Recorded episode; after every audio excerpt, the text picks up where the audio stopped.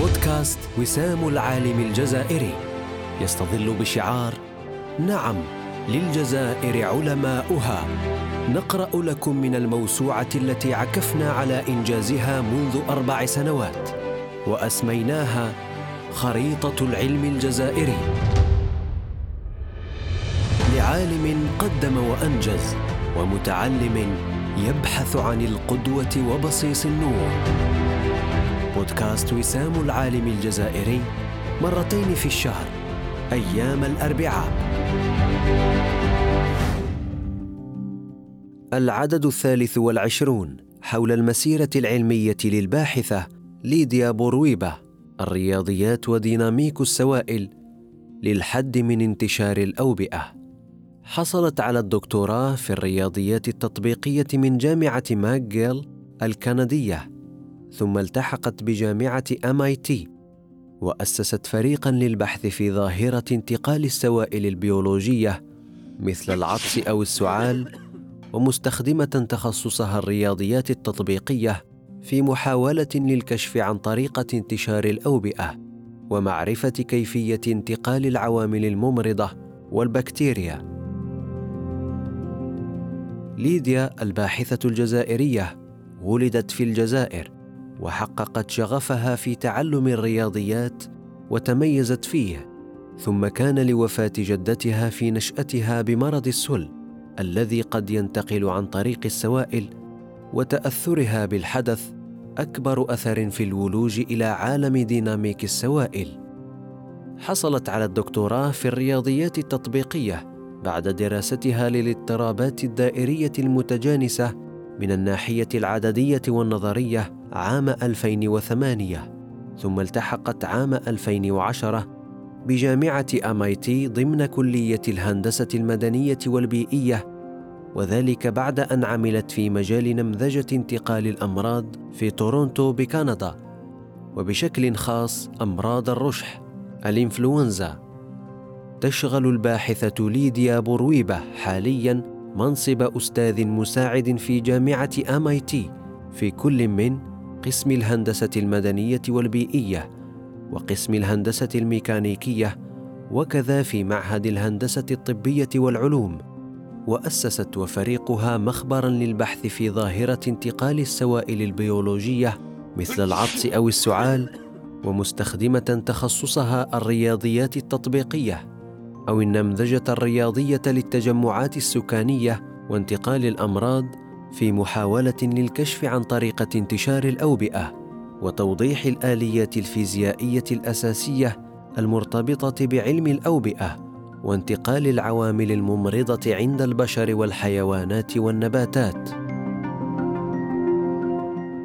تتمحور أبحاث مخبر ديناميكية السوائل الناقلة للأمراض حول تطوير تجارب متقدمة بمجال ديناميكية حركة السوائل والفيزياء الحيوية والرياضيات التطبيقية وعلى الرغم من تقدم التقنيات المخبرية والبرمجية التي تستخدمها الباحثة بورويبة في مخبرها إلا أن الكثير من أبحاثها يرتكز على مبدأ بسيط تسجيل حركة السوائل الناتجة عن ظواهر بسيطة مثل العطس لفهم كيفية حركة الكتلة السائلة الناتجة عن العطس وتأثيرها على محيطها. ويندرج عمل المخبر في قسمين رئيسين هما تفاعل العوامل الممرضة مع السوائل بما فيها الفقاعات والقطرات وتجزئة السوائل وغيرها والقسم الثاني هو مجال الصحة وانتقال الأمراض. ولتحقيق ما يصبو إليه الفريق فإنه يعتمد على منهجية علمية تستند على طريقتين أساسيتين طرق نظرية مبنية على الرياضيات التطبيقية والتي تتضمن الجبر الخطي والديناميك اللا خطي وطرق تجريبية مبنية على مشاهدة التدفقات وتقنيات التصوير عالي السرعة والتقنيات المجهرية ومعالجة الصورة من إسهامات الباحثة ليديا في البحث العلمي ومعالجة الظواهر الطبيعية أنها قدمت مجموعة من الدراسات الهامة المتعلقة بحركية السوائل في الهواء منها علاقة سمك فقاعة سائلة مغطاة بالبكتيريا بقدرتها على الحفاظ على مكوناتها لعدة دقائق بمعدل أكبر بعشر مرات من الفقاعات السائلة الطبيعية التي لا تحتوي أي بكتيريا أو كائنات ميكروبية مرضية.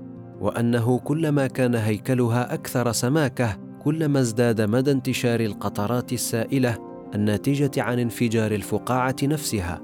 ومن نتائج أبحاثها أيضا أن نمط حركة السوائل المشكلة للعطسة الواحدة هو أعقد بكثير مما يظنه الكثيرون فهي غير متجانسة أو موحدة الشكل.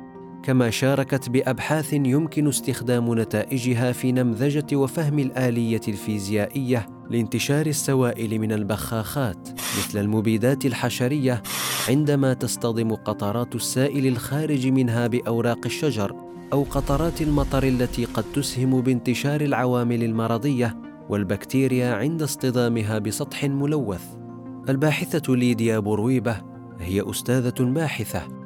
فتقدم أيضا مساقات دراسية في كلية الهندسة المدنية والبيئية في جامعة امايتي مثل ديناميكية السوائل والأمراض والديناميك اللاخطي والاضطرابات وعلم الحساب متعدد المتحولات والمعادلات التفاضلية والجبر الخطي والرياضيات التطبيقية في الفيزياء.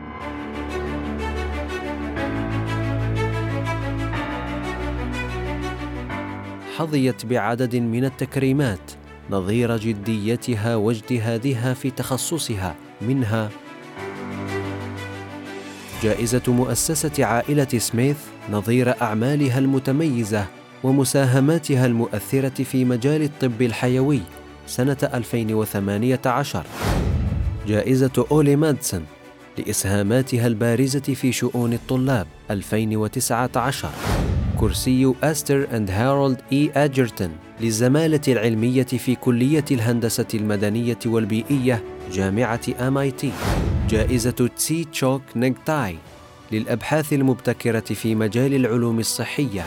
اختيارها عضوا في جمعية سيجما إكس إي البحثية تقديرا للأثر الذي أحدثته أبحاثها. وتبقى الظواهر الطبيعية التي يعيش حولها الإنسان تسترعي الباحثين الجادين الذين يستلهمون من الطبيعة السؤال الدائم. كيف تحدث الأمور من حولنا؟ أما السؤال الآخر لماذا؟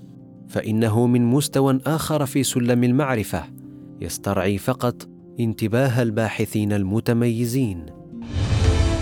موعدنا بكم يتجدد في عدد جديد من بودكاست وسام العالم الجزائري مع تحيات قسم إنتاج المعرفة. بمؤسسة وسام العالم الجزائري. نعم للجزائر علماؤها.